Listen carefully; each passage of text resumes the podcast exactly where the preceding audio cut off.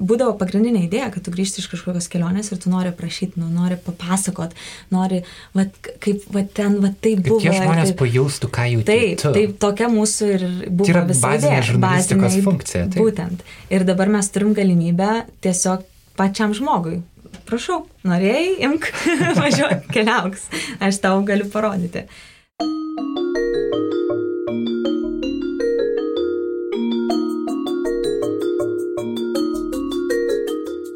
Kai prieš dešimt metų Vilniaus universitete pradėjau studijuoti žurnalistiką, galėjau rinktis vieną iš trijų krypčių - spaudą, televiziją arba radiją.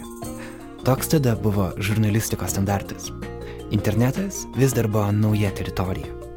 Bet žinoma, laikai keičiasi, štai jūs dabar klausote podkasto, o mūsų pašnekovė didžiausioje arabiško pasaulio žiniasklaidos organizacijoje Al Jazeera dirbanti Viktorija Mitskutė, ji kūrė virtualios realybės žurnalistiką.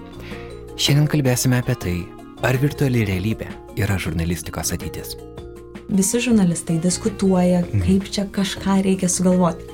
Niekam kaip ir dar kol kas nepavyko tokio labai jau nerealaus projekto padaryti, kad visi sakytų, wow, tikrai veikia ir tikrai dabar visi naudosim papildančią realybę su visais savo mobiliaisiais telefonais. Bet kodėlgi ne? Mes bandom, o gal kažkam labai pavyks ir mes suvoksime, kad this is it. Su jumis Karolis Višnauskas iš Nanuk Jūs klausotės Nailo podcast'o.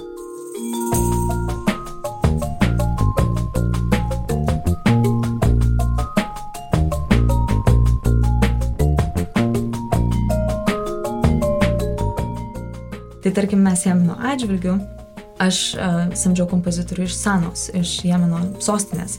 Ir tai nebuvo gal pats lengviausias sprendimas, nes aš su juo negalėjau susiskambinti. Um, jis nerasdavo interneto, kaip man atsiųsti muziką. Jis lakstydavo visą naktį per visas interneto kavines ir rašydavo man WhatsApp žinutės. Viktorija negaliu atsiųsti, atsiųsdavo per WhatsApp kažkokią muziką, ten mes negalėjom susišnekėti. Bet rezultatas buvo toks, kad kaip jis ir pats sakė, kadangi aš gyvenu kasdieną su tuo karu, aš žinau, kaip norėčiau, kad tas filmas skambėtų. Ir skambėjo gerai. Ir skambėjo labai gerai.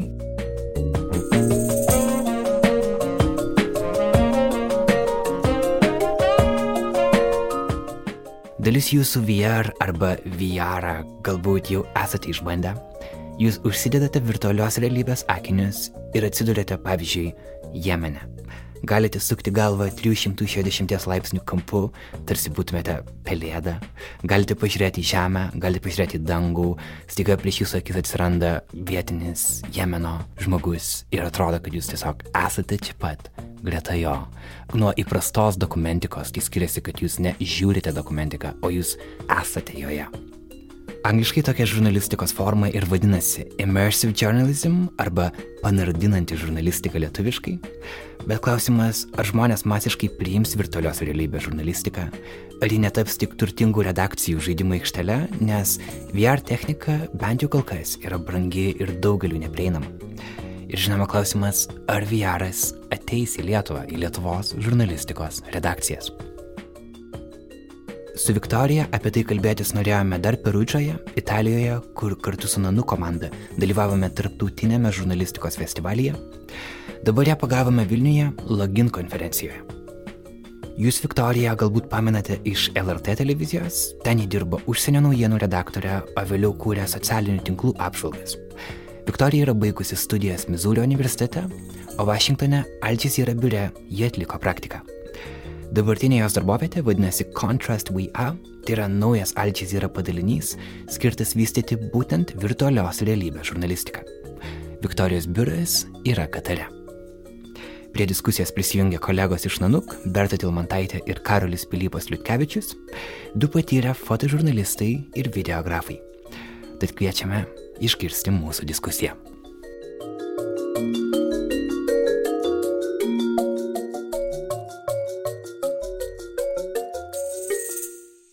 Tai Viktorija, ačiū tau, kad um, susitinkai su mumis čia Vilniuje Nailo podcast'e. Gali šiek tiek daugiau pasakyti žmonėm, kurie nėra susipažinę su tavo veikla, ką dabar tu veiki, kur tu dirbi, nes Contrast We Are, taip vadinasi tavo dabartinė veikla. Tai yra naujas dalykas tau pačiai, naujas dalykas pačiai Al Jazeera's agentūrai, kurioje tu dirbi. Kas būtent tai yra, kokia yra jūsų komanda, už ką tu esi atsakinga? Tai mes esam tokia labai maža komanda didelėje, didelėme organizme, kuris yra Al Jazeera's tarptautinė televizija. Ir mes esam penkiese ir kūrėme būtent um, 360 laipsnių kampu filmuotas istorijas arba tas virtualios realybės patirtis.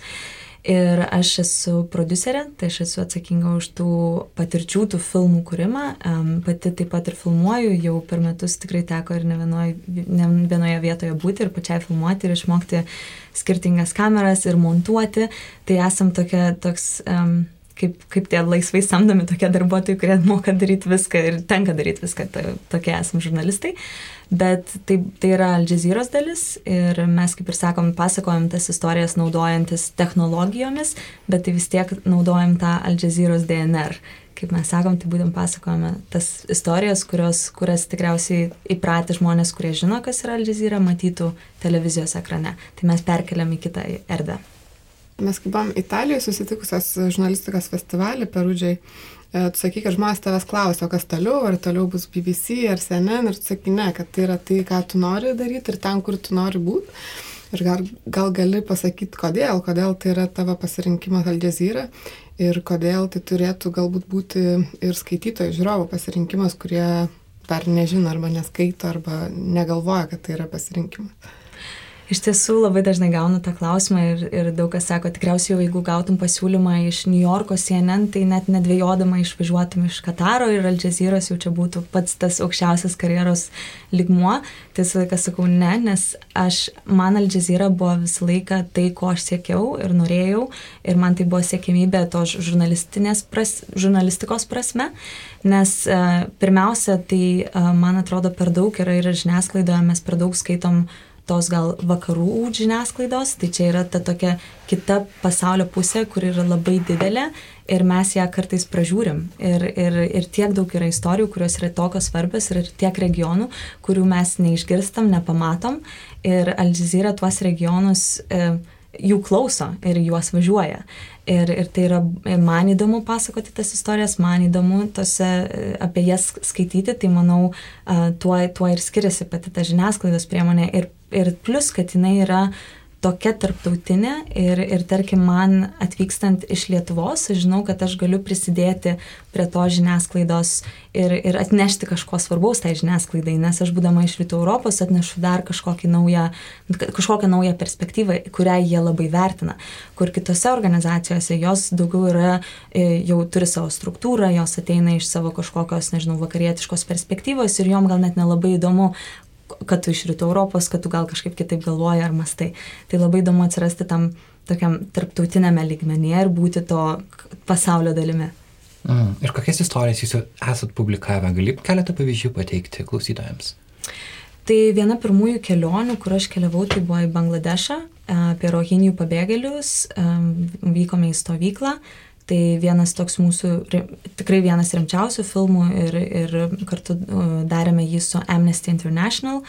Um, kitas, pavyzdžiui, visai neseniai um, publikavome filmą apie Maroką, apie klimato kaitą, tai buvo toks irgi naujas iššūkis mums kaip Contrast VR, kaip studijai, nes norėjome padaryti būtent pirmą filmą apie kaip klimato kaita ir parodyti, kad iš tikrųjų virtuali realybė yra labai paveiki ir stipri būtent toms tokioms istorijoms apie aplinkosaugą, apie klimatą ir, ir, ir aplinką ir e, gamtą. E, kitos, pavyzdžiui, istorijos dabar ir apie Nigeriją, ką tik išpublikavome filmą apie maistą ir, ir kaip yra sunku konfliktinėse situacijose jo gauti, jį turėti. Kas dar iš, iš apie Jemeną, turėjom istoriją, kur vietos žurnalistai filmavo ir apie, apie oro atakas, kaip jos paliečia žmonių gyvenimus. Apskritai visos mūsų istorijos, kad ir kokią šalį pasirinktume, kad ir kokia ta istorija būtų, tai svarbiausia yra apie žmonės ir kaip kažkokie pasaulio įvykiai, pasauliniai dalykai jų, paveikia jų kasdienius gyvenimus.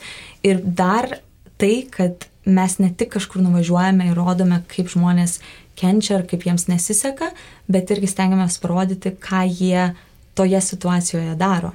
Nes iš tikrųjų tai yra jų kasdienybė ir jie dažnai siekia ją pagerinti ir pakeisti ir turi kažkokius sprendimus, kurių mes gal nepamatome. Ir, pavyzdžiui, su klimato kaita, kas yra labai įdomu, kad tu nuvažiavęs ir susitikęs su vietos žmonėmis, tu gali atrasti kažkokių sprendimų, kurių būdamas ir mąstydamas kažkokiam globaliame lygmenyje, tu niekada nebūtum apie juos pagalvojęs ir tu labai gali išmokti daug. Ir kuo jūsų medžiaga skiriasi nuo įprastos video žurnalistikos?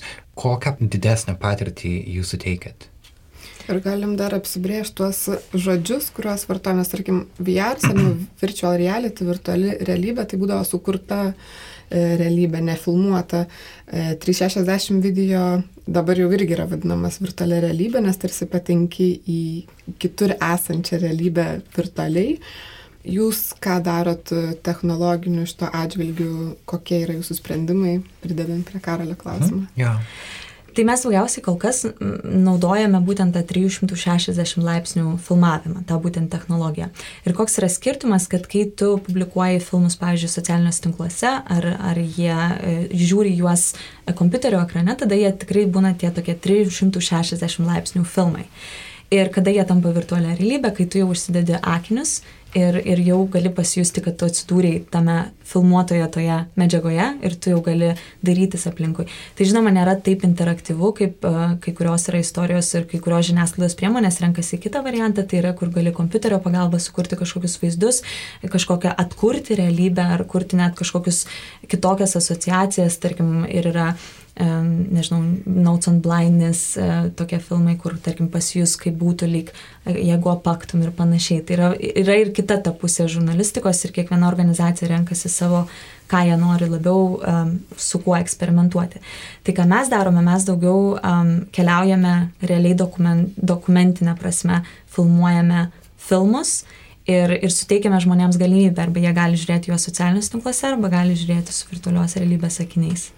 Kodėl Al Jazeera nusprendė pradėti Contrast VR apskritai? Nes įsivaizduoju, kad sukurti 360 laipsnių video yra daug sudėtingiau ir techniškai galų gale finansiškai brangiau negu įprasta dokumentika, bet štai jūs yra naujas skyrius, nauja komanda, kuria beje yra visas darbuotojas yra moteris, ar ne, tai yra dar vienas uh, įdomus aspektas, kurį, manau, verta paminėti, kodėl. Prieš tai, po to norėsiu plačiau apie tai paklausti. Jo, tai vad kodėl apskritai Al Jazeera nusprendė, kad tai yra ateitis ir to mums reikia.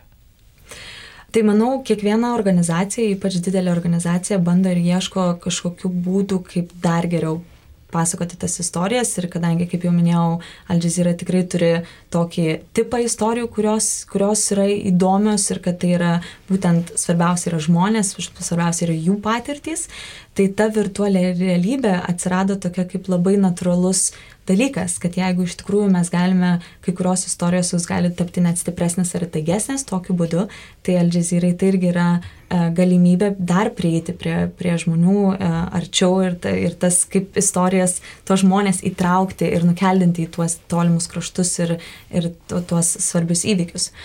Tiesiog buvo sprendimas toks, kad kiekviena žiniasklaida nenori atsilikti tikriausiai nuo naujovių ir Jazeera yra viena didžiausių tarptautinių televizijų, tai jiems uh, ne, neiššokti tą traukinį irgi buvo kaip ir, kaip ir negerai. mm. tai tiesiog buvo sukurta komanda ir buvo atrastas, bet, bet mūsų ta idėja ir kaip mes prieiname prie tos virtualios realybės yra tikrai kitaip negu kaip kitos organizacijos, tarkim BBC ar New York Times ar CNN prieina prie tų, uh, prie tų istorijų ir tarkim mes stengiamės, mūsų idėja ir kad ta virtuali realybė tai yra nauja industrija ir tai galima ją matyti gal kaip net elitistinę industriją kažkuriu, kažkokiu būdu, nes tai yra vis tiek, tai yra brangu, kaip minėjai, tai yra akinius ne visi turi, nelabai žino gal kaip žiūrėti ir tada gaunasi, kad jie lyg ir gyvena tam tokiam jungtinėse valstijose, kažkur gal vakarų Europoje. Ir, ir niekas net nežino, kad tiek daug yra žmonių, kurie tai domisi ir net daro. Tarkim, Kenijoje yra viena produkcijos kompanija, su kuria dirbam. E, ir Ukrainoje yra mano draugai, kūrė produkcijos kompaniją. Ir tikrai yra daug žmonių, kurie tai domisi ir mes norim dar daugiau žmonių įtraukti. Ir mes norim juos įgalinti kurti šitas istorijas tokiu būdu, jeigu tik yra noro ir motivacijos. Tai mes apmokome žurnalistus, siunčiame kameras mm. ir, ir būtent užsiemam to tokiu kuriam pasaulinį tinklą, kad tai nebūtų tik kažkur vakarų kažkokia kažkoks Taip, užsiėmimas. nes kaip tu prieš tai minėjai, šalis, iš kurių jūs rengiate dokumentikas, tai nereiškia, kad jūs pačias ten sklidote. Jūs turite, tu pati dirbi Katarė šiuo metu, ar ne? Mhm. Tai tu iš savo biuro administruoja, kad ten reik, vyktų reikalai, bet tai nereiškia, kad jūs patys tai darote, jūs įtraukit vietos žurnalistus, kas yra labai svarbu.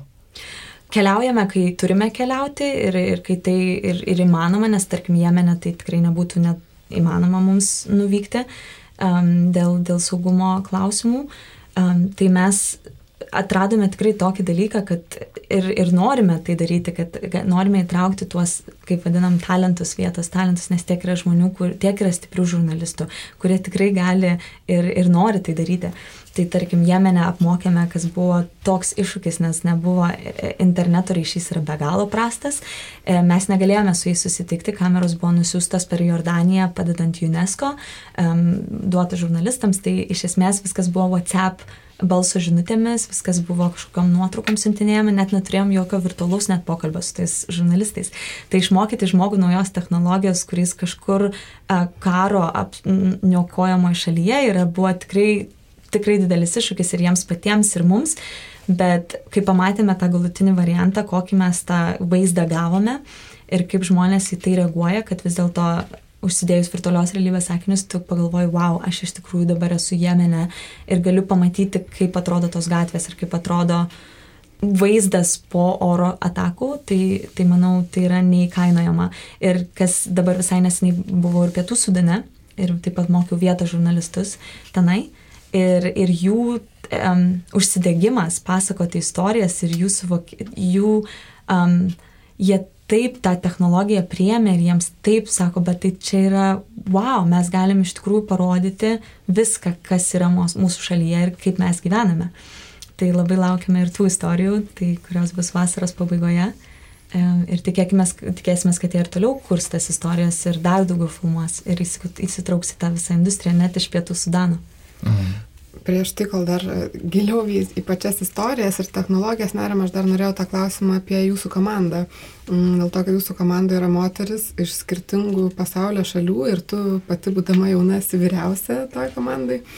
Ir vėlgi mes apie tai šiek tiek kalbėjome Italijoje ir tu minėjai, jog tai buvo sąmoningas Alžyro sprendimas e, būtent tokiu principu suburti komandą.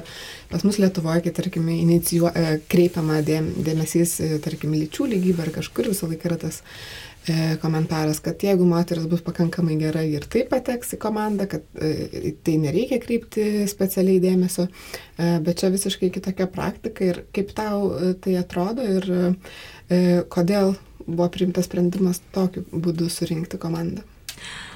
Iš tikrųjų, jeigu kalbame apie įvairovę ir, ir žiniasklaidą ir kur kitur darbo vietose, tai tikrai um, reikia priimti tą sprendimą, kad tu to nori, e, nes jeigu to sprendimo nepriimsi dėl tam tikrų priežasčių, kaip yra susiklostę visuomenėje kažkokie principai, atsitiks taip, kaip atsitiks. Tai jeigu nori kažką keisti ir nori to pokyčio, turi būti to pokyčio priežastimi. Ir, ir buvo idėja tokia, kad, kaip aš jau minėjau, kad yra tokia nauja sritis, ta įtraukianti žurnalistika ir mes visi ją kūrėme. Tai iš esmės, jeigu mes sprendžiame, kas kurs tas istorijas ir kokias istorijas mes pasakosime. Tai jeigu mes turėsime būtent, um, surinksime moterų komandą, jau turėsime kitokią perspektyvą visoje net šitoje industrijoje, kuri yra nauja. Taip pat mes siekime ir įvairovės, ir, ir kultūrinės e, įvairovės. Tai tarkim, kaip jau ir minėjai, mūsų visa komanda yra iš Indijos, Brazilijos, Amerikos, e, Nigerijos, aš esu iš Lietuvos. Ir, ir mūsų tos diskusijos mes ateiname labai iš tokio uh, kadangi mes taip kultūriškai skirtingi visi, mes, mūs, mes atnešame savo tas perspektyvas ir tada tos istorijos ir tos diskusijos jos tokios būna labai pasvertos, nes tu turi galvoti ir kaip ir tu išgirsti, kaip kitas žmogus tai priema, kaip jisai reaguoja, kaip atvykęs visai iš kitos, nežinau, iš vakarų Afrikos, kaip jam atrodo, kaip man atrodo iš Lietuvos. Ir tada, man atrodo, mūsų, mūsų tos sprendimai tokie būna gal netgi labai, labai pasverti. Aš gal įsijungsiu į pokalbį iš, iš techninės perspektyvos. Um, esu didelis uh, virtualios realybės skeptikas. Mm. Um, iš pradžių toks nebuvau, bet aš į, į virtualią realybę um, pradėjau domėtis virtualią realybę nuo video žaidimų industrijos. Esu didelis video žaidimų fanas. Ir aišku, video žaidimai yra labai siejami su virtualia realybė, tiek kalbant apie Sony Morpheus sakinius, tiek geriausi akiniai, kuriuos aš bandžiau HTC Vive, jie kurti kartu su Valve, kurie kūrė Half-Life ir, ir Dota žaidimus ir panašiai. Ir dabar pastaruoju metu, va, pavyzdžiui, praeitą savaitę paaiškėjo, kad e, Sony yra nepatenkinti Sony Morpheus akinių pardavimais ir atrodo, kad buvo tikėtasi daugiau, bent jau iš žaidimų industrijos. Ir kažkodėl man atrodo, kad tai yra panašu į 3D televizorius. Buvo manimas, kad tai bus labai populiaru, kad tai bus e, dalykas, kurį visi norės turėti ir jisai labiau įtraukia tave į turinį, bet tai nėra patogu, nes tu turi atsisėsti namie ant sofos ir užsidėti akinius. O čia turiu užsidėti dar sunkesnius akinius. Ir man atrodo, kad vien žaidimų industrijos išlaikyti tą VR bangą ir polėkį neužtenka. Ar tu manai, kad kitos industrijos, būtent kaip e, žurnalistika ar dokumentika, gali padėti e, VR būti populiaresniu nei, tarkim, 3D televizoriai?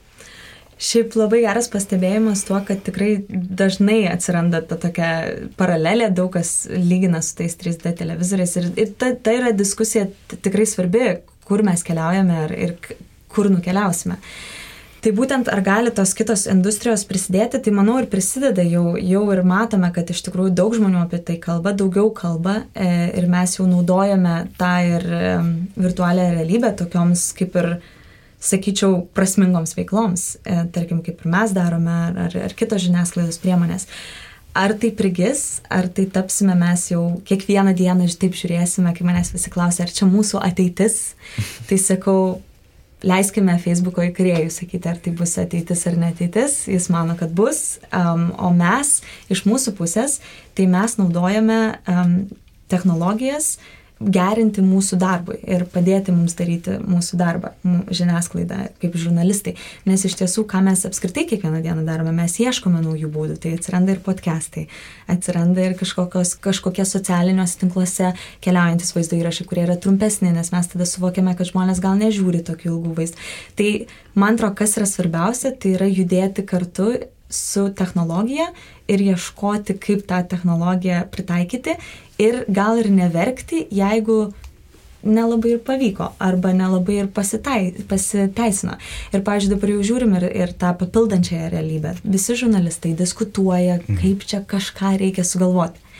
Niekam kaip ir dar kol kas nepavyko tokio labai jau nerealaus projekto padaryti, kad visi sakytų, wow, tikrai veikia ir tikrai dabar visi naudosim papildančiąją realybę su visais savo mobiliaisiais telefonais. Bet kodėlgi ne? Mes bandom, o gal kažkam labai pavyks ir mes suvoksime, kad this is it. Ir, ir tiesiog mano suvokimu negalima stovėti vietoj, skept, reikia skeptiškai vertinti, labai gerai skeptiškai vertinti, bet reikia išbandyti. Ir, ir, tos, ir, ir šoliuotis tom technologijom mhm. ir matyti, kas prigis, kas neprigis. O kaip išlaikyti balansą tarp to, kad technologijos kartais naudojamas vien tam, kad būtų naudojamas, gali nusipirkti kamerą ir naudoji visiškai e, nesuvokdamas, kad čia nelabai to reikia 360 e, vaizdo arba e, kaip, kaip va tą balansą išlaikyti, kad tai nebūtų naudojamas dėl pačio naudojimo ir pasirodymo, kad gali tą daryti ir kad mes esame modernus ir štai va, kuriam tokį turinį. Ir iš tikrųjų tarp, tarp to turinio, kur medija, šiuo atveju 360 prideda vertės pačiam, e, pačiam turiniui, kūriniui, tai istorijai ir ją papildomai dar su, e, e, sustiprina. Tos technologijos tu visą laiką turi savęs klausti, kodėl aš ją naudoju ir kam aš ją naudoju ir kaip aš ją naudoju.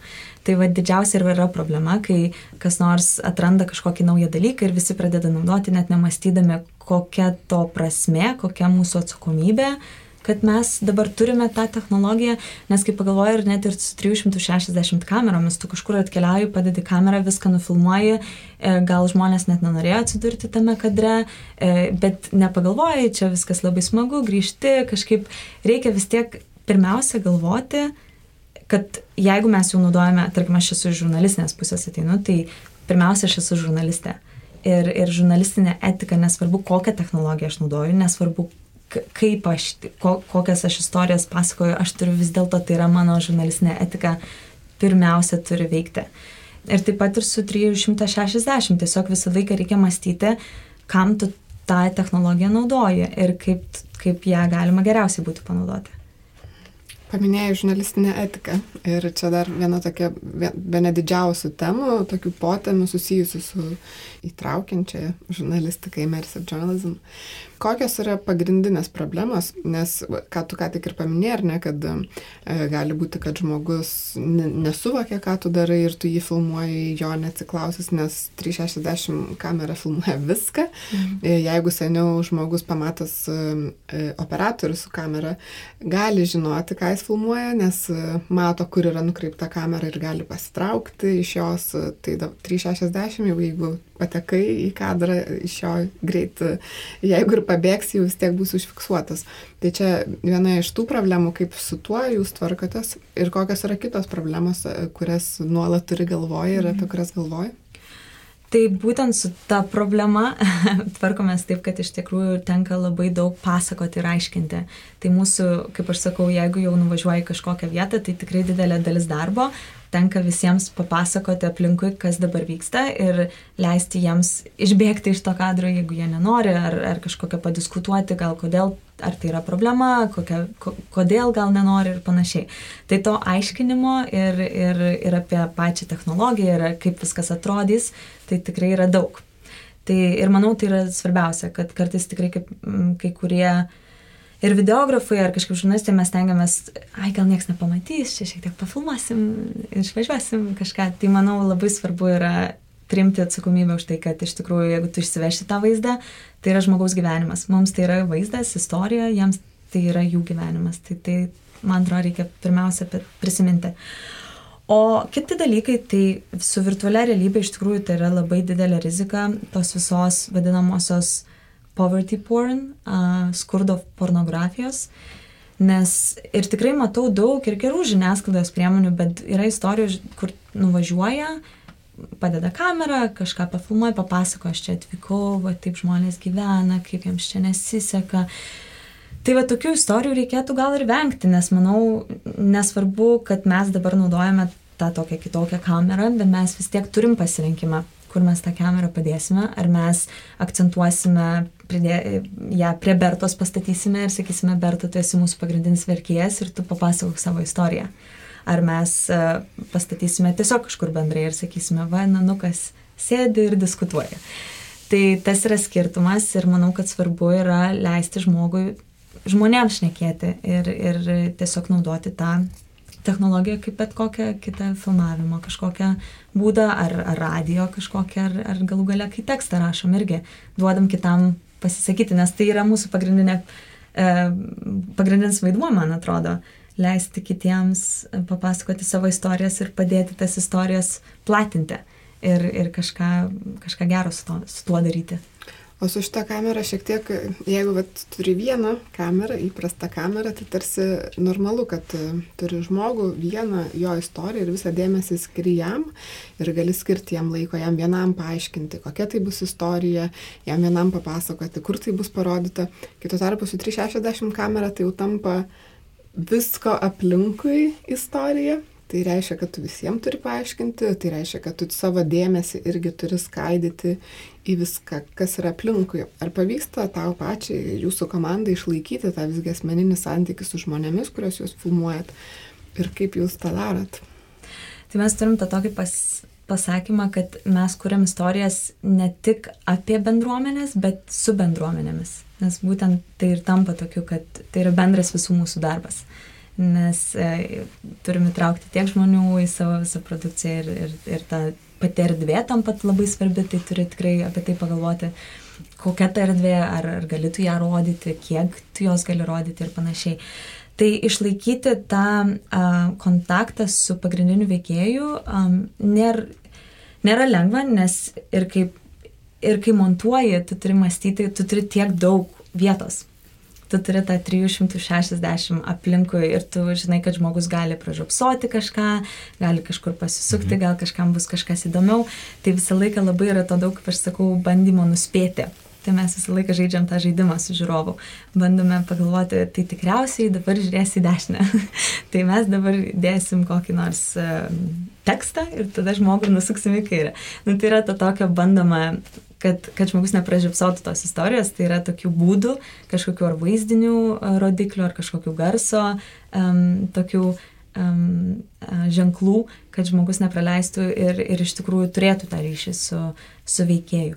Bet yra pats techniškai tas filmavimas, tai yra tų būdų vis tiek, tu gali ir atrasti vietą, kur gal yra mažiau žmonių, kur tas žmogus labiau um, atsiskirtų ir, ir tada tu bandai mąstyti, kur tas žmogus būna vienas, kada tas žmogus būna vienas, kada aš galiu tą jo erdvę ir tą jo gal vienatvę kažkaip parodyti. Tai kaip ir bet koks tikriausiai, bet, bet koks filmavimo principas, bet tu visą laiką žinai, kad tos erdvės turi tiek daug mm. ir nori, kad nepražiopsotų niekas svarbių dalykų. Tai montavimas tas toks sudėtingesnis, tikrai. Užsiminėjai apie e, tą tokį gido vaidmenį, kuris sudėtingesnis e, darant 360 laipsnių video. E, ir man labai įdomu, kaip pavyksta su to tvarkytis, nes visgi turbūt daugiausia žmonių 360 laipsnių video žiūri per kompiuterį, neturėdami akinių. Ir aš iš savo patirties žinau, kad tu pasisukioji, pasidairai ir labai dažnai tu tiesiog numeti tą video dėl to, kad tu tiksliai nežinai, kur tu turi žiūrėti. Tu nematai to, nematai režisieriaus potėpio, sakykime taip. Ir pagalvojus, kas turi 20 metės patirties E, vedant vartotoją virtualioje arba trimatėje erdvėje. Video žaidimai, ar ne? Ir visiškai kitas mediumas. Ar jūs mokotės kažko iš skirtingų mediumų? Ir kaip? Um, kad iš video žaidimų gal, gal daug nesimokome. Vilė karalių tave. Šis atsakymas. Bet labai gera idėja. Šiaip dabar net gal ir parvešiu savo komandai, sakysiu, uh, žaiskime dar žaidimas, gal nes, nes ten labai įdomu daug būdų yra. Taip, yra, yra teisingai sakai, nes um, didžiausia, aš matau va, tą didžiausią problemą, kai žiūriu 360 laipsnių nufilmuotus vaizdus ir sumontuotų, mm. dar ne tai, kad nufilmuoti, kaip jie būna sumontuoti. Ir tu teisingai sakai, nes kai kurie ir galvoja, čia va, vienas vaizdas, čia kitas, fainai pasisukiosim, įdomu, bet tai nėra, tai nėra viskas. Ta prasme, ta istorija vis tiek yra svarbi. Ir, ir mes labai daug laiko praleidžiame, iš tikrųjų bandydami ir animaciją naudojame, ir erdvinį vaizdą, nu, garsą naudojame, kad tu bandai tą žmogų lik jam nejuntant, bet jisai vis tiek vedamas yra. Vedamas yra. Ir mes tą turime, tą gido vaidmenį atlikti ir tikriausiai, kaip tu ir sakai, aš kiek prisimenu iš vaikystės, tai taip žaidimas ir būdavo, nes išgirsti kažką, kas yra už tavęs, sukiesi aplinkui. Nu, tai, tai šitie dalykai yra labai svarbus ir labai įdomus. Ir labai įdomu su tuo ir žaisti, ir labai įdomu. E, toks įdomus santykis yra su žiūrovu iš tikrųjų, nes žiūrovas mano, kad jis turi visiškai didelę laisvę ir, ir visur dabar čia mhm. dairysis ir viską matys, bet mes vis tiek įtraukiam to tokio savo savo, kaip tu sakai, režisierius, jis žino, ką, ką aš norėčiau papasakot ir mes tą žmogų, man atrodo, vis tiek kažkaip šiek tiek vedam ir žmogus taip ne, ne, nežinodamas mhm. tikriausiai vis tiek yra vedamas per tą istoriją, nes ne, nesinori, kad tiesiog jisai ar išlystų iš tos istorijos, net išnirtų iš tos istorijos, nepabaigęs jo žiūrėti, ar jam būtų nuobodu. Tai, tai taip, taip, visą laiką yra mastom, visą laiką mastom, diskutuojam, mokomės. Um, Bet žaidimai labai gerai idėja. Taip, nes ten ateityje ir mes taip ir darysim. ten daug įdomių dalykų dabar galima rasti, nes, pavyzdžiui, kai kurie objektai apsišviečia mm -hmm. arba kitaip atrodo, kitokį kontrastą turi atkreipę dėmesį ir panašiai. Tai Bet... mes būtent animaciją tam naudojame ir mm -hmm. tikrai naudojame daug, um, nes, tarkim, kai tu jau pamatai, kad žmogus ne, gali neatskirti kažkokio, kas yra svarbus akcentas, tu tikrai gali ir kontūrai atsiranda ir, ir kažkaip -hmm. tu gali žmo, tam žmogui pasakyti dabar žiūrėk čia, šiek tiek, bent Taip. trumpam. Bent trumpam. Galėsi dairytis, bet bent trumpam atkreipkimas dėmesį. Bet visas tikslas yra labiau panardinti žiūrovą, ar ne labiau įtraukti. Mhm. Ar jūsų kameros 360 laipsnių filmuoja 3D formatu? Mhm. 3D formatu? Taip, taip, taip. Nes man atrodo, kad didžiausias barjeras turbūt yra tai, kad e, sukonstruota virtuali realybė by using photogrammetry ar naudojant mhm. visai kitokias priemonės yra labiau įtraukianti negu tiesiog 360 laipsnių vaizdas nufilmuotas 2D formatu. Tai jūs mane nustebinot, naudojat no, 3D kameras. Taip, taip, taip. Ar jos yra specialiai sukonstruotos, ar jos, kokia jų yra kaina, ar tą gali daryti nepriklausomi žurnalistai? Pavyzdžiui, Nanuk multimedijos agentūra. Taip. Um, Gal, gal, nežinau, kokie jūsų biudžetai yra. vieną dieną. Um, vieną dieną. Iš tikrųjų, tai tarkim vienas iš pirmųjų filmų mūsų komandos buvo I am Rohingya, aš esu Rohingya, tai yra dar filmuotas prieš, uh, kai visa krizė atsirado ir buvo aptarinėjama uh, žiniasklaidoje tarptautinėje. Mhm. Tai mūsų komanda ten važiavo ir mes naudojome Nokia Ozo, tokia kamera buvo. Dabar Nokia jau nebe kaip paliko industriją, sakė, jau jiems nelabai įdomu, perėjo prie kito, tai va čia irgi viena iš tų diskusijų, kad visi bando, pabando, lyg išeina, kažkam labiau patinka, kažkam mažiau. Tai bet va ta kamera, jinai pradžioje kainavo apie 60 tūkstančių dolerių.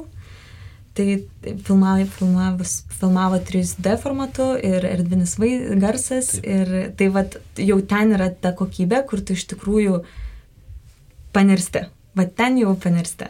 Um, bet mes patys irgi tos kameros tikrai net, neturėjom, mes ją nuomojomės, pasinaudodavome. Buvo sustarimas su Nokia, e, nes iš tikrųjų to jau yra brangu, yra brangu ir prabangu tokius filmus kurti, tai stengiamės, kai kurie filmai uh, turi tokius biudžetus, kur mes galime tuo pasinaudoti, kartais tenka paprastesnius variantus pasirinkti, tarkim kaip ir Jemeno atveju, kur yra mes nusintėme labai paprastas kameras žurnalistams. Uh, Bet man atrodo irgi dar priklauso kokia ta istorija ir kai jinai, ta istorija yra tokios sunk, svarmuo, toks, jinai tokia svarbi, tai tada ir gal tas vaizdas nebūtinai turi būti 3D. Bet tie filmai, kurie yra nufilmuoti būtent tom jau labai prabangiom kamerom, tai net ir man pačiai visą laiką net nustembu, kai dar kartą pažiūriu ir wow, nu, mhm. wow. Ir kai žiūrėjau pirmą kartą mūsų filmą Oil and Our Creeks apie Nigeriją ir naftos išsipilimą Nigerijoje.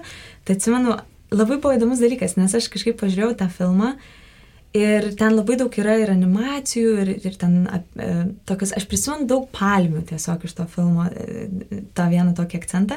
Ir keliavau po to Kenijoje. Ir kažkaip žiūriu, aš tą Kenijoje galvoju, hm, kažkur labai matytas vaizdas.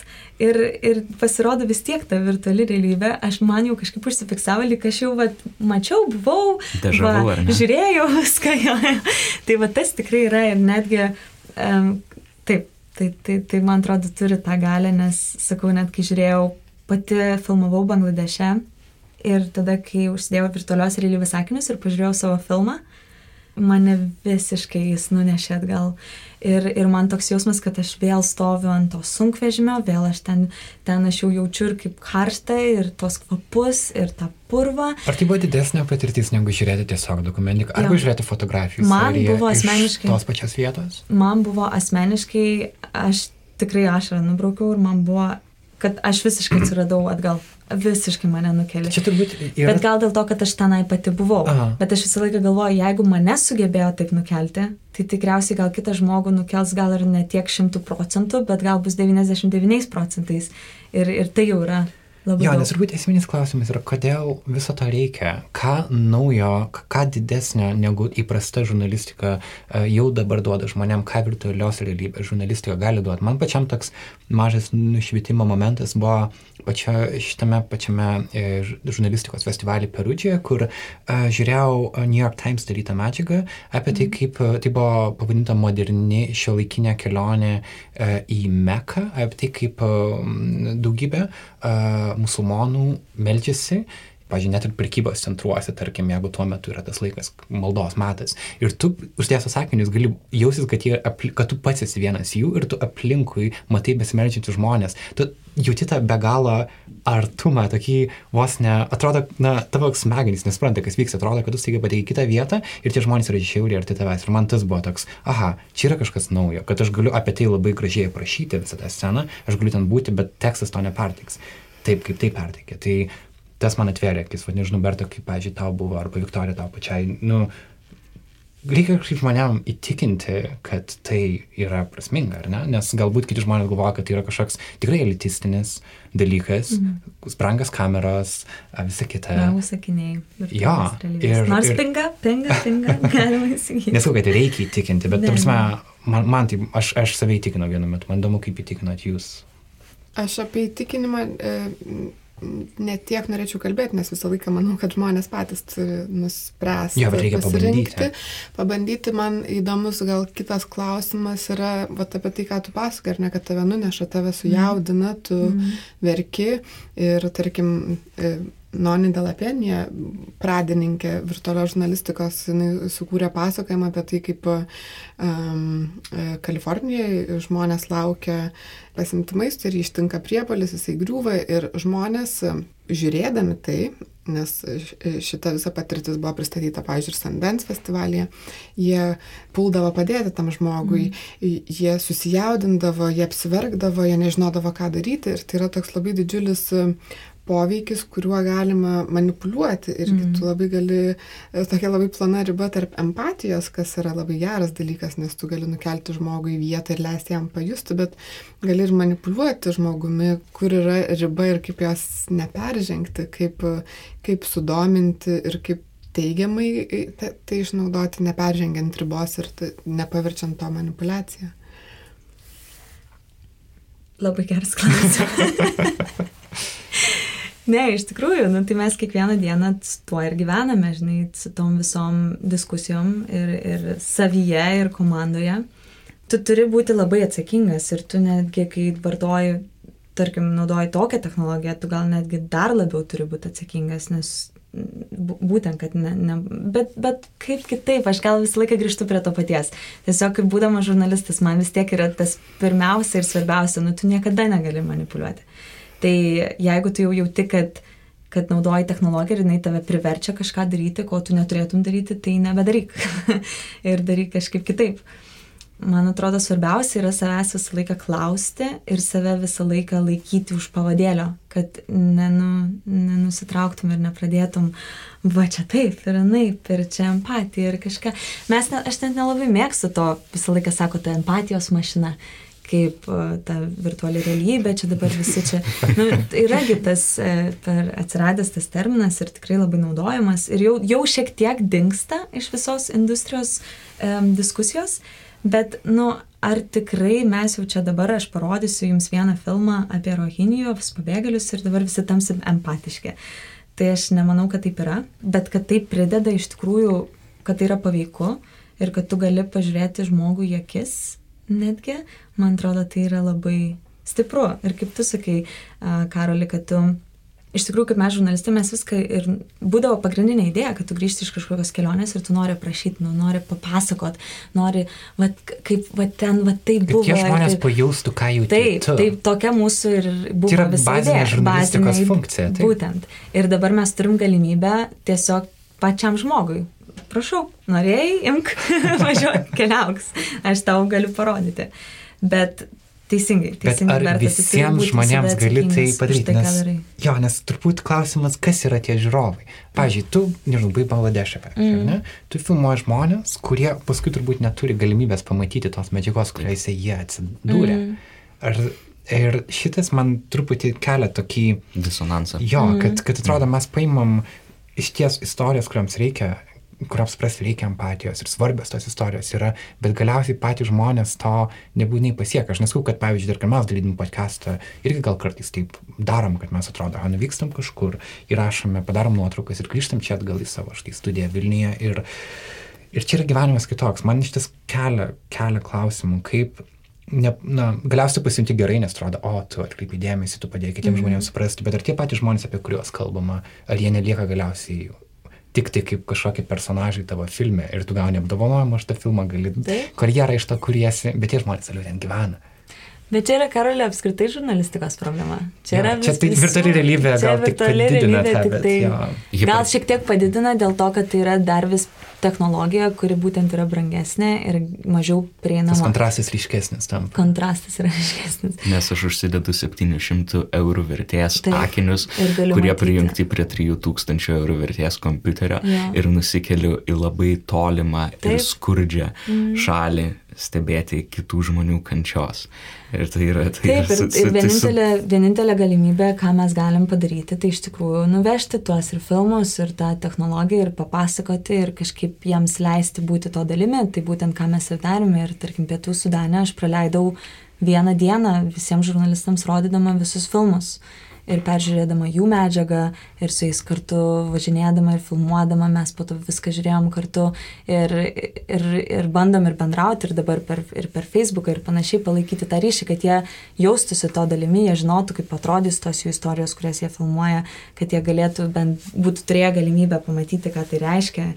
Tai manau, čia, čia yra jo, čia, čia toks yra žurnalistikos apskritai dalykas ir tos parašiutinės ypatingai žurnalistikos, kur mes kažkur nukeliavam, kažką pasidarom, kažką grįžtam. Tai mano yra problemos toks, kaip aš ką darau, tai tiesiog mes kaip komanda mes darom, stengiamės įtraukti kuo daugiau vietos žmonių į mūsų visų tą tokį bendrą filmo kūrimą, kad tai būtų bendras produktas visos vat, bendruomenės ar kažkokios mhm. šalies, negu tai būtų mūsų kažkoks ateimas iš, šal, iš, iš šalies ir kad yeah. mes atvykstame ir sakome, mes dabar tai padarysime, nežinau, pasamdysime čia kokį nors muzi- kompozitorių iš New Yorko ir čia ten mūsų grafiką sukurs kažkas iš kažkur ir čia mes dabar laimėsim visus apdovanojimus. Tai tarkim, mes Jemeno atžvilgiu, aš uh, samdžiau kompozitorių iš Sanos, iš Jemeno sostinės. Ir tai nebuvo gal pats lengviausias sprendimas, nes aš su juo negalėjau susiskambinti. Um, jis nerasdavo interneto, kaip man atsiųsti muziką, jis lakstydavo visą naktį per visas interneto kavines ir rašydavo man WhatsApp žinutės, Viktorija negaliu atsiųsti, atsiųsdavo per WhatsApp kažkokią muziką, ten mes negalėjom susišnekėti, bet rezultatas buvo toks, kad, kaip jis ir pats sakė, kadangi aš gyvenu kasdieną su tuo karu, aš žinau, kaip norėčiau, kad tas filmas skambėtų. Ir skambėjo gerai. Ir skambėjo labai gerai. Ir tikrai nebūtų taip skambėję, jeigu aš būčiau kažką uh, pasamdžius iš, nežinau, iš Los Andželo ar, ar kažkas, kas būtų pažiūrėjęs ir sakęs, o čia labai fainai panaudosiu kažką čia. Padarysiu. Uh, lygiai taip pat su iliustracija. Aš samdžiau merginą, kuri e, gyven, nu, yra iš Jemeno. Ir aš sakiau, man reikia tokios iliustracijos meninės ir, jinai, ir jie visi tai taip priemė asmeniškai. Tai buvo jie tokie mūsų produktas ir jie taip juo didžiavosi. Man buvo tiesiog labai gražu žiūrėti, kad tai buvo bendras darbas. Super. Labai įdomu tai girdėti dėl to, kad ta diskusija, e, tie parašiutiniai atvykę žurnalistai mm. ir vietos žurnalistai, ir, jinai yra labai sena, dar tada, kai tiesiog rašydavo žurnalistai ir fotografuodavo, ne tik virtualią realybę ir 360 filmuodavo. Ir kitas dalykas, kad didelės, didelės organizacijos, kurios turi įdarbinusios labai daug žmonių, jos dažnai nenori samdyti papildomų dėl to, kad turi išlaikyti savo komandą ir vietoj to, kad samdytų kompozitorių ar iliustratorių kažkurioje šalyje rinksis žmonės iš savo tarpo, kuriuos turi išlaikyti. Tai labai smagu tą girdėti, kad jūsų organizacija yra atvira bendradarbiavimui, nes mano galva tas bendradarbiavimas tikrai praplečia pačią istoriją ir jai daug daugiau duoda ir ją papildo. Bet klausimas, ar taip tęsis visą laiką? Aš įsivaizduoju, kad dabar jūs esate tokiai startiniai pozicijoje, kada jūs turit platesnį įrankių spektrą uh, dirbti, kad pati Al Jazeera turbūt investuoja pinigus į šitą naują technologiją, su, ne, nenorėdama kažkokios iš karto finansinės gražos iš to, bet galiausiai žurnalistika vis tiek turi tą komercinį aspektą. Kaip tu matai? Ar tu matai kažkokį komercializavimą virtualios žurnalistikos ir kaip tai turėtų atrodyti. Ar tu žiūri pro virtualios realybės akinius ir staiga pamatai, nežinau, mm. Pepsi reklamą kažkur. tai prasme, kaip tai turėtų būti? Ar tai yra, ar nebus taip, kad šitas rytį, žinai, koks, pavyzdžiui, Instagram buvo puikiai, žavi aplikacija pradžioje, dabar aš šią scrollinu ir nuolatos matau daug kitų reklamų. Ir viskas, senojo Instagram nebėra. Ir galiausiai reklama vis tiek kažkaip vis ateina, mm. nes taip jau veikia pasaulis kur virtualios realybės žurnalistikoje, kaip, kaip reklama gali čia ateiti ir ar nebus taip, kad reklama viskas sugadins galiausiai. Įdomus klausimas, ar reklama iš tikrųjų atkeliaus, nes e, daug kas ir sako, kad labai gali būti, kad tai nebus, nes dar kol kas niekas nesugalvojo, kaip turėtų atsirasti ir tas pepsi kažkoks ženkliukas ar kažkas, kažkas. Niekas tikrai dar to nesugalvojo. Reklamas tiesiog pradės kurti 360. Yra tokių idėjų, gal, gal taip kažkaip bus, gal tai bus taip, kad ir nelabai trukdys, tarkim, jeigu tam pradžioj, kaip mes, tarkim, YouTube kanale turime pražiūrėti ten tas 10 sekundžių ar, ar net Netflix'e kažkokiam ar kažkaip, kad, nu, gal tai net nebus labai netrukdys. Bet iš kitos pusės mes dabar dar kol kas esam labai laimingi tuo, kad e, technologijų kompanijos yra labai suinteresuotas, kad e, visi naudotų tą jų technologiją ir kad domėtųsi ir jais, ir jų produktais, ir naudotų jų kameras ir panašiai. Tai mes kaip žurnalistai kol kas dar labai daug ir turim to tokio palaikymo iš, e, iš technologijų kompanijų, tų didžiųjų Ir, ir, ir tai mums labai dar. O kaip tas palaikymas veikia? Tai tarkim, mes su Samsung draugaujam tuo, kad jie mums, tarkim, kameras duoda nemokamai nusiųsti žurnalistams. Um, tarkim, Oculus Go um, finansuoja ten sukurti kažkokią aplikaciją ir panašiai. Tai, tai va iš tos pusės jie tiesiog finansuoja, duoda kažkokių technologijų, kad tiesiog mes naudotume ir toliau, toliau stiprintume tą visą industriją. Uh, Iš kitos pusės mes dar atradome tokį labai e, įdomų akcentą, kad mes e, bendradarbiavom daug su nevyriausybinėm organizacijom, tarkim, ir Amnesty International, ar tarkim, e, Marokė dabar, kur buvau, e, kūriau filmą kartu su Europos miškų institutu. Tai jie labai domisi būtent kaip panaudoti technologijas, papasakoti kažkas istorijas, tai jie e, finansuoja produkciją, bet kontrolė viso turinio yra visiškai mūsų. Ir, ir kol kas tai yra tikrai labai ir sėkmingas modelis, e, mums pasiteisinantis, nes mes atrandam tokius partnerius, kurie labai žavisi tuo, ką mes darom, mes žavimės jų darbu ir, ir mes taip sujungdami vienas kito stipriausias pusės, e, tarkim, nežinau, jų finansus, kažkokius kontaktus ir mūsų e, žurnalistinę etiką ir, ir mokėjimą pasakoti istorijas ir mokėjimą filmuoti tą būtent virtualią realybę ar 360 laipsniais, um, mes darome kaž, kartu kažkokius produktus ir, ir, ir taip kuriame kartu filmus. Tas modelis jis jau kurį laiką gana senai veikia ir fotožurnalistikos laukia mm. ir labai daug fotožurnalistų dirba su nevyriausybinėm organizacijom. Klausimas visą laiką yra va, tas išlaikymo mm. kontrolės ir turinio, kad tie kontaktai, kuriuos siūlo nevyriausybinė Taip. organizacija, galbūt nebūtų vieninteliai, arba kad e, ta žinia, kurią ta organizacija nori paskelbti, netaptų tai, ką tu sakai, nors mm. viskas gali būti kažkiek, e, kažkiek kitaip. Tai turbūt labai svarbus yra skaidrumas, atvirumas ir...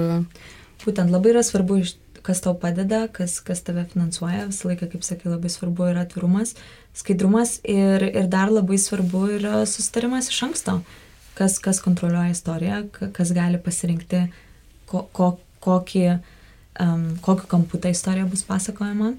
Tai ir mes, tarkim, mes, kai renkame, su kuo bendradarbiausim, um, tai atsirenkam. Ne, tikrai ne, nedarom tik tai, kas siūlo, viską važiuosim ir darysim.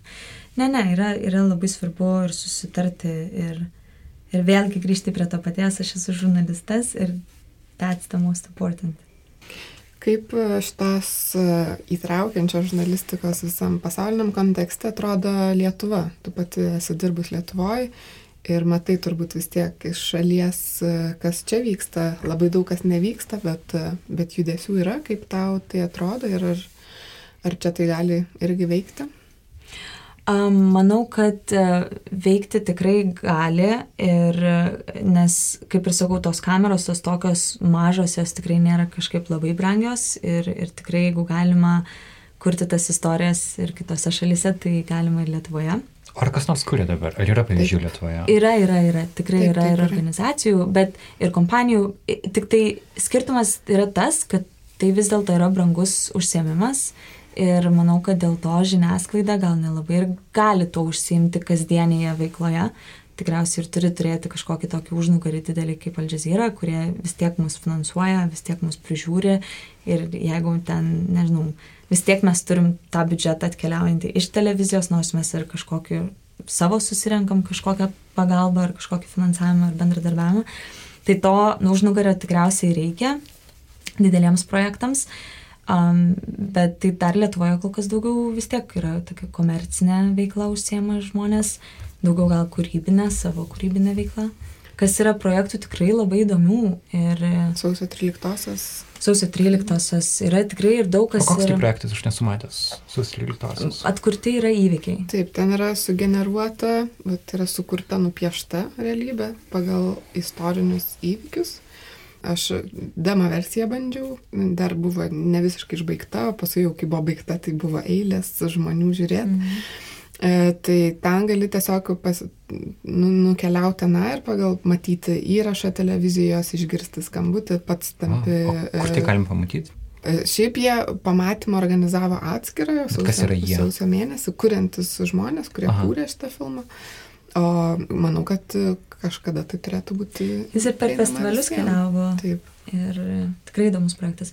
Bet yra ir daugiau, yra iš tikrųjų, kai atsirandi to industrijoje, aš dabar jau pastebėjau, kad ir, ir yra žmonių, kurie, kurie daro, kurie gal nėra taip žinoma, Bet yra ir daug ir netgi reklamų žmonės kūrė būtent. Ir žiniasklaidai, 15 žiniasklaida, dar arba LRT studija, kuri taip. kart tampa diskusijų tokiu dalyku, ar tai verta, ar prasminga, ar reikalinga. Aš tikrai mačiau, aš tikrai mačiau nes... tokį momentą. E, viena iš LRT reportažų, kaip žurnalistė darė tokį reportažą apie žai apie žaislus ir ten buvo toks įtraukinukas vaikams ir tada jinai atsidūrė tame traukinukui ir nuvažiavo. Aš tikrai tada sapnavau, tai buvo įspūdinga. Bet čia gal kitokia technologija nebuvo. Aš nežinau, čia tai, tai yra papildanti realybę vis tiek. bet yra vieninų, jo yra bandymų, tai bet kol kas tai yra tokiam žaidimo likmenyje labiau gal, kad, na. Nu, smaku. Šiek tiek gal taip. Mes irgi atsimenam labai dienų, kada mes šiandien laidoje būdavo ir buvo bandymo Lietuvos televizijoje, kad turėti tokią tiesioginę transliaciją 360 laipsnių kampu. Kas įdomu, e, buvo visai įdomu mums būti, aš kai vedžiau, kai kartu laidą vedžiau, mes šnekėjome su žmonėm, jie galėjo mus tiesiogiai matyti 360 laipsnių kampu, bet tas vat ir klausimas, ar kiek daug to reikia, gal vieną kartą ir užtenka, nes tų žmonių daug ir žiūrovų nelabai buvo. Um, Tai va, tai va. Ir studijoje tai atsirandant ir būna naikintuvai ir kažkokios. Ai, bet, bet čia jau kitas. Čia papildyta čia, čia realybė. Papildyta realybė, bet technologijos Kurios irgi yra klausimas, mm. kiek to reikia. Ar tai yra naudojama dėl to, kad būtų naudojama? Būtent. Dėl to, kad, dėl, tai, kad dėl to aš ir sakau visą laiką. Reikia. Ir, ir aš visą laiką net ir žurnalistams, kurie man rašo, Viktorija, turiu idėją, vat, noriu daryti vat, tokią istoriją, gal darom 360 kampų. Ir man jis yra... Kodėl? O tu paklausai savęs, kodėl tu taip darai? Kodėl mums reikia taip daryti. Nes faina, nes nauja. Būtent, ir, ir, ir dabar nes yra ta problema, kamerą. nes visi, um, net ir fondai, remimai, jie visą laiką sako, jeigu čia naudosi kažkokią naują technologiją, įtraukianti ten žurnalistiką kažką, mes finansuosim. Tai aš tiek daug turiu žurnalistų, kurie keliauja dabar po pasaulį ir ten bando filmuoti. Tai aš visą laiką ir sakau, nu gerai darom, bet tu turi savęs klaust, tu turi atrasti istoriją, kuri būtų verta daryti naudoti šitą technologiją. Nes nereikia tiek daug, galim kažką kitko geriau daryti. Ačiū, tai kad mes čia nedarėm. Tai kad mes sėdėdami čia podcast'o studijoje turėtumėm 360 laipsnių kamerą. Nežinau, ar tai būtų papildoma. Būtų galėtų, įdomu. Galėtų, žmogus galėtų tiesiog sukti ir, pavyzdžiui, visą laiką. Tai aišku. Galėtų visą šitą valandą žiūrėti vieni pilypą, pavyzdžiui. Taip, tai, bet, bet, tai būtų papildoma bet tai būtų vertė. papildoma vertė, nes žmogus gali spręsti, ką nori matyti ir, ir, ir ką nori žiūrėti. Nežinau, man atrodo, kad kol kas e, LRT eksperimentuoja labai su tuo ir galėtų mokytis daugiau iš, pavyzdžiui, Amerikos žiniasklaidos tarnybų kaip CNN, kur ta papildyta realybė iš tikrųjų suteikia daugiau informacijos arba ta informacija vizualizuoja ir vartotojas ją geriau įsisavina, kai tuo tarpu LRT tai tiesiog anegdotas dažniausiai būna, kai vedėja traukinuku nuvažiuoja. Problema yra Lietuvoje, um, tiesiog yra resursų klausimas ir, ir žmogiškų išteklių klausimas. Mm. Ir, ir aš žinau, ir...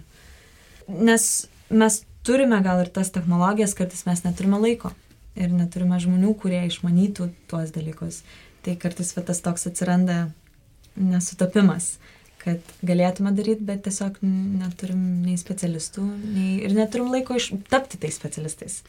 Tai va, kuo aš esu labai iš tikrųjų laiminga ir patenkinta, kad aš atsiradau tokioj vietoj, kur aš turiu laiko ir mokintis, ir, ir mane investuoja, ir, ir nori, kad aš išmokčiau ir kad aš tapčiau tuo specialistu, mhm. o ne tai, kad man duotų kamerą ir aš vis tiek tam nežinodama nieko daryčiau, kažką bandyčiau, e, nesigautų, išmestume tą medžiagą. Ne, mes mokomės ir darome. Ir jūs, ir jūs visi labai jauni dar kartą, jūs mm. praktiškai 20 metų, 30 metų komandoje esate. Taip, taip. taip. Mm. Ir čia tas kitas momentas, kurį paminėjai, kad labai svarbu mokytis. Dabar žurnalistui nepakanka rašyti, turi ne tik mokėti filmuoti, montuoti, suvokti technologijų ir jų tą raidos kryptį, bet dar surasti žmonės, kurie papildys iliustracijom muziką, kas irgi yra labai svarbu. Visi tie dalykai prideda prie kuriamos istorijos. Tai ar tą įsivaizdavai, pradedama būti žurnaliste?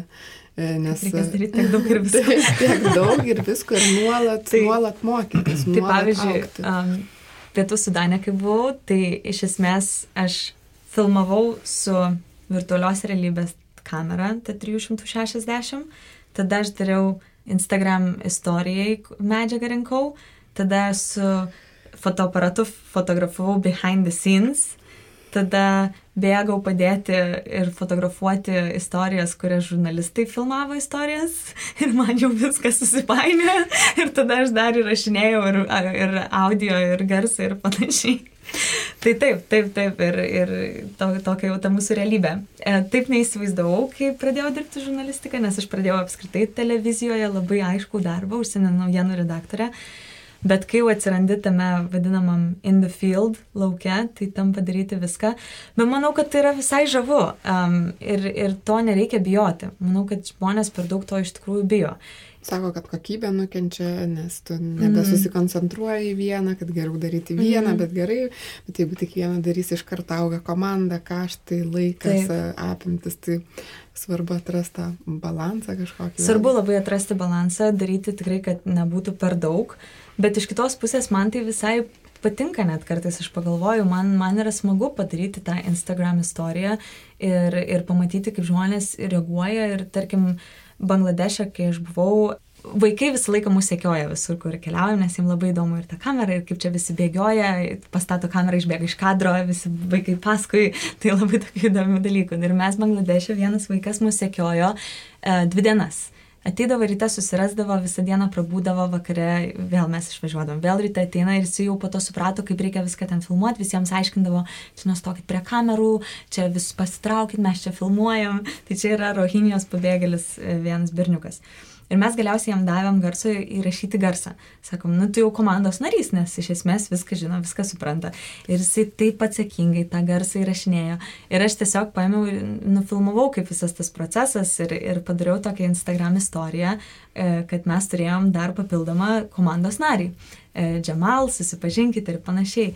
Ir tiek daug buvo gerų emocijų, tiek žmonės rašė ir, ir dėkojo mums, kad mes atrodom tą istoriją, tą behind the scenes ir tiesiog pagalvojau, wow, ir tikrai nedaug kainavo iš tos pusės, kad kiek ten, 10 sekundžių gal su, su, užtrukau su telefonu kažką pafilmavus, bet kiek tai turėjo įtakos žmonėms ir pamatyti ir, ir, ir, ir tikriausiai ir Džemailui gaila negalėčiau parodyti, bet jeigu parodyčiau, kaip žmonės reagavo į jo tą nuoširdų darbą su mumis kartu, tai jis tikrai būtų laimingas ir labai patenkintas. Čia vienas iš tų atvejų, kai behind the scenes ir tai, kas vyksta už yra įdomiau negu, negu pats turinys kartais. Taip, taip, taip, taip. taip. Ir turim mes tą daryti, turim, turim kažką. Žmonėms tas labai rūpi. Jo, bet čia paprastas dalykas, ar ne, Instagramas, mhm.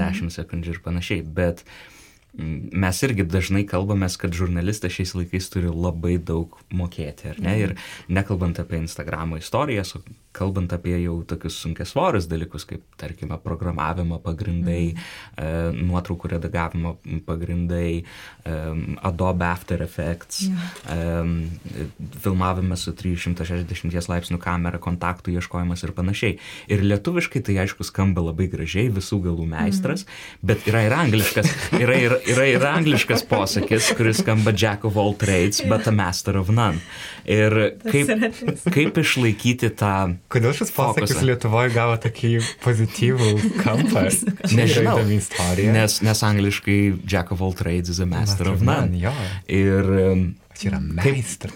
kaip, kaip tapti geru viename, kai iš tavęs reikalauja aplinka, profesija ir pasaulis, tapti geru visame. Tai manau vis tiek reikia pasirinkti iš tikrųjų tą bent sritį, kurioje galėtum pasakyti, kad vat, jau šitą dalyką tai žinau ir tada e, kit, kiti dalykai seka nuo to. Tai pavyzdžiui, aš, nu, aš baigiau žur, fotožurnalistiką Junktinėse valstijose, bet aš tikrai savęs fotografę nepavadinčiau. Bet jeigu reikia nufotografuoti kažką ir parvežti mūsų komandai, tai aš tikrai mielai tai padarysiu, nes mokiausi ir, ir galiu. Tai tiesiog, manau, patarimas būtų gal nebandyti būti visų galų meistrų iš tos pusės, kad sakyti, aš viską moku, aš viską galiu. Dabar ir geriausią nuotrauką padarysiu, ir nufilmuosiu, ir, ir prieš kamerą pašnekėsiu, nes, nu, ne visi tai gali ir ne visi ir nori iš tikrųjų. Tai, pavyzdžiui, man rašyti tekstą yra Kančia. kančia. Tai aš prisiverčiu, bet man yra sunku. Padaryti filmą man yra fainai.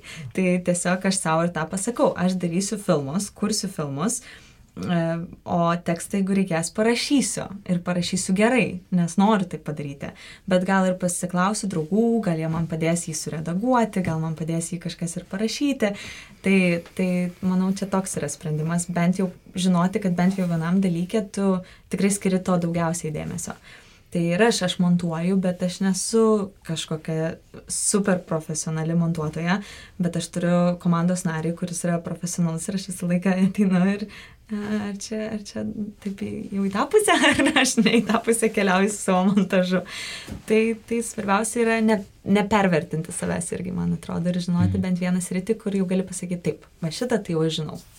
Ir tai, ką tu minėjai, dar labai svarbu kontaktai žmonės aplinkui, mm. kuriais tu gali pasitikėti, komanda ir šiaip žmonės iš šalies. Mm. Aš turbūt pabaigai uh, vis tiek noriu paklausti apie tą apskritai žurn žurnalistikos tų pačių paprasčiausių formų ateitį tavo manimu. Pavyzdžiui, aš esu fanas tokio uh, žurnalo New Yorker, kuris, jie tu pažiūri prieš šimtą metų, kaip jis atrodė ir kaip atrodo dabar, atrodo jis lygiai taip. Tai yra tiesiog daug ilgų tekstų, uh, keletas tokių iliustracijų, uh, keletas fotografijų, bet iš esmės tai yra tekstų žurnalas. Jis turi savo auditoriją, ji yra nedidelė, bet pakankama, kad jis gyvo, gyvuotų tiek laiko. Ir kaip tau atrodo, pavyzdžiui, tekstas, ar jisai turės paklausą ateityje, arba, pavyzdžiui, fotografija. Grinai tiesiog vienas kadras, galbūt vienas kadras gali būti paveikesnis už visą didelę video istoriją. Kaip tu manai, ar, pavyzdžiui, žmonėm, kurie tiesiog nori būti fotografais, ar jiem verta iš tos karjeros siekti, ar, pavyzdžiui, kurie nori būti uh, rašančiai žurnalistais, ar tai nėra visai arhaiškas dalykas. Galbūt, pavyzdžiui, rašymas yra vis tiek visko pagrindas. Netgi darant virtualios realybės istoriją, tu ją turi parašyti turbūt visų pirma, kaip scenarijų. Taip, taip, taip. Kaip tu man matai šitas, šitus, šitus mm. dalykus? Aš tai manau, kad reikia mokytis ir daryti tai, ką, ką norisi daryti, tai yra labai svarbu, bet manau, aš laiką, ką sakau žurnalistams, e, kad reikia būti, nu jau turim būti lankstesni.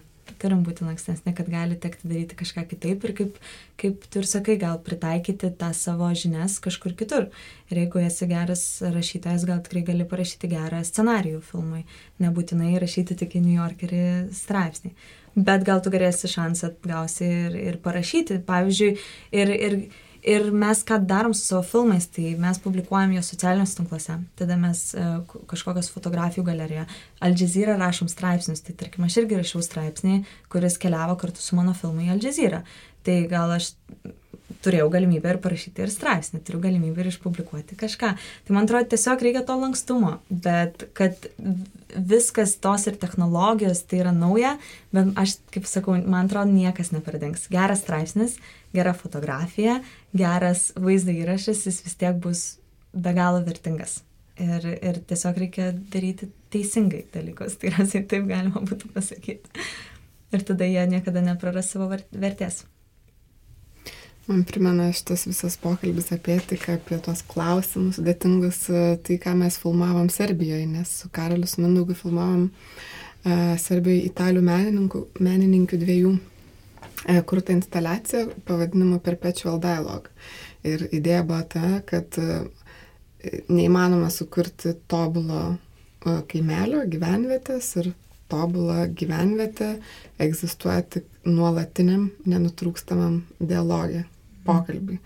Tai panašiai, man atrodo, ir čia, ką, ką kalbėjai, kad žurnalistika gera, ja. tobulai, jinai gali egzistuoti tik nuolatiniam pokalbį ir nenutrūkstančioje diskusijoje, kaip ir ką mes Tikrai darom. Taip. Ja, ir man smagu, kad... Tai yra svarbiausia.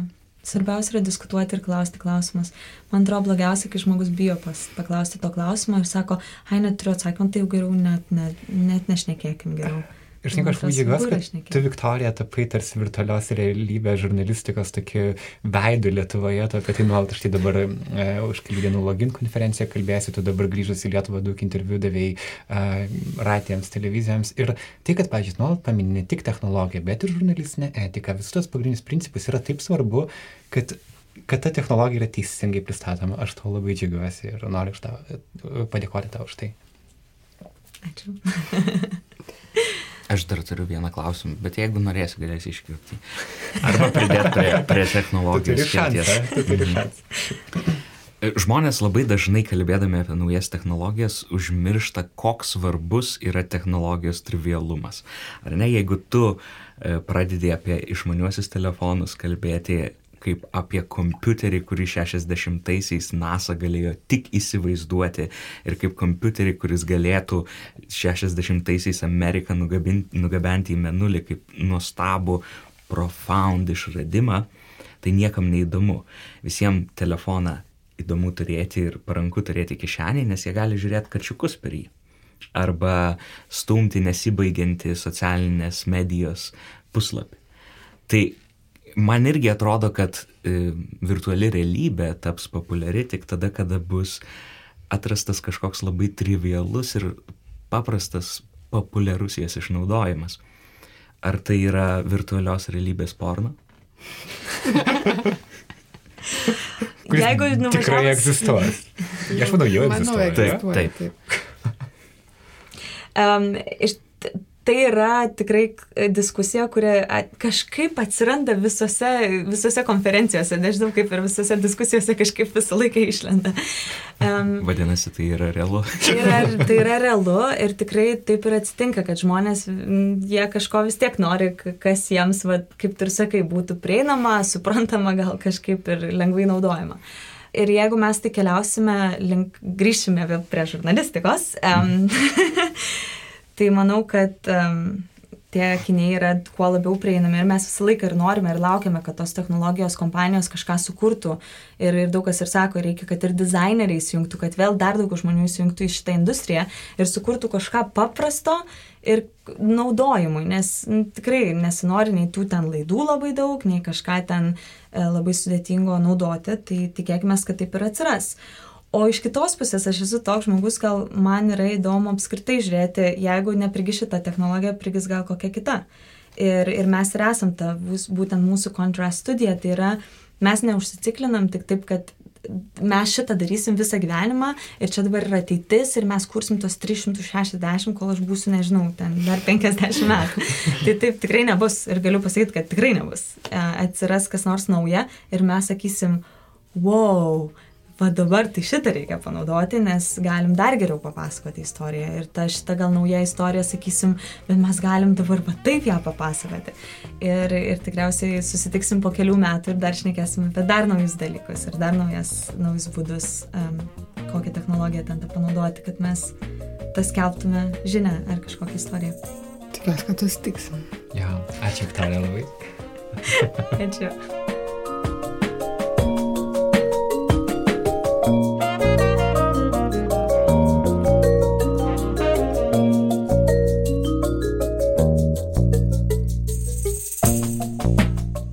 Pokalbis su Viktorija baigėsi jai sėdus prie fortepijono, ji prisiminė vaikystės muzikos pamokas. Pilną video ir užkardinės fotografijas pamatykite Nile.lt, taip pat Nanuk Facebook ir Instagram. Visos šios medžiagos autorius yra Mindaugas Dirigotas.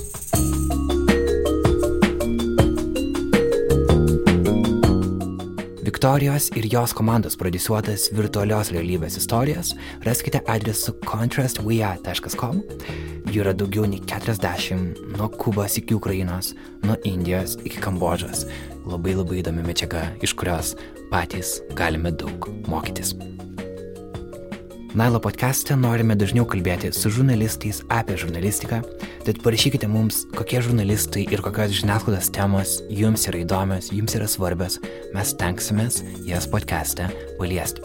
Mūsų adresas yra naila.nanuk.lt arba tiesiog parašykite mums į Nanuk Facebooką. Taip pat kviečiame prisidėti prie podcast'o kūrimo ir finansiškai. Adresas yra patreon.com/nanuk multimedia. Nailo muzikos autorius yra Martinas Gailius, garso inžinierė yra Kata Bitoft. Už studiją dėkojame mūsų partneriams nacionaliniai Martino Mašvito bibliotekai. Šį epizodą vedžiau aš Karolis Višniauskas, diskusijoje dalyvavo Berta Tilmantaitė ir Karolis Pilypas Liutkevičius. Nailo podcastą kūrė multimedijų agentūra Nanuk Vilniuje. Ačiū, kad buvote kartu. Susitikime kitą savaitę.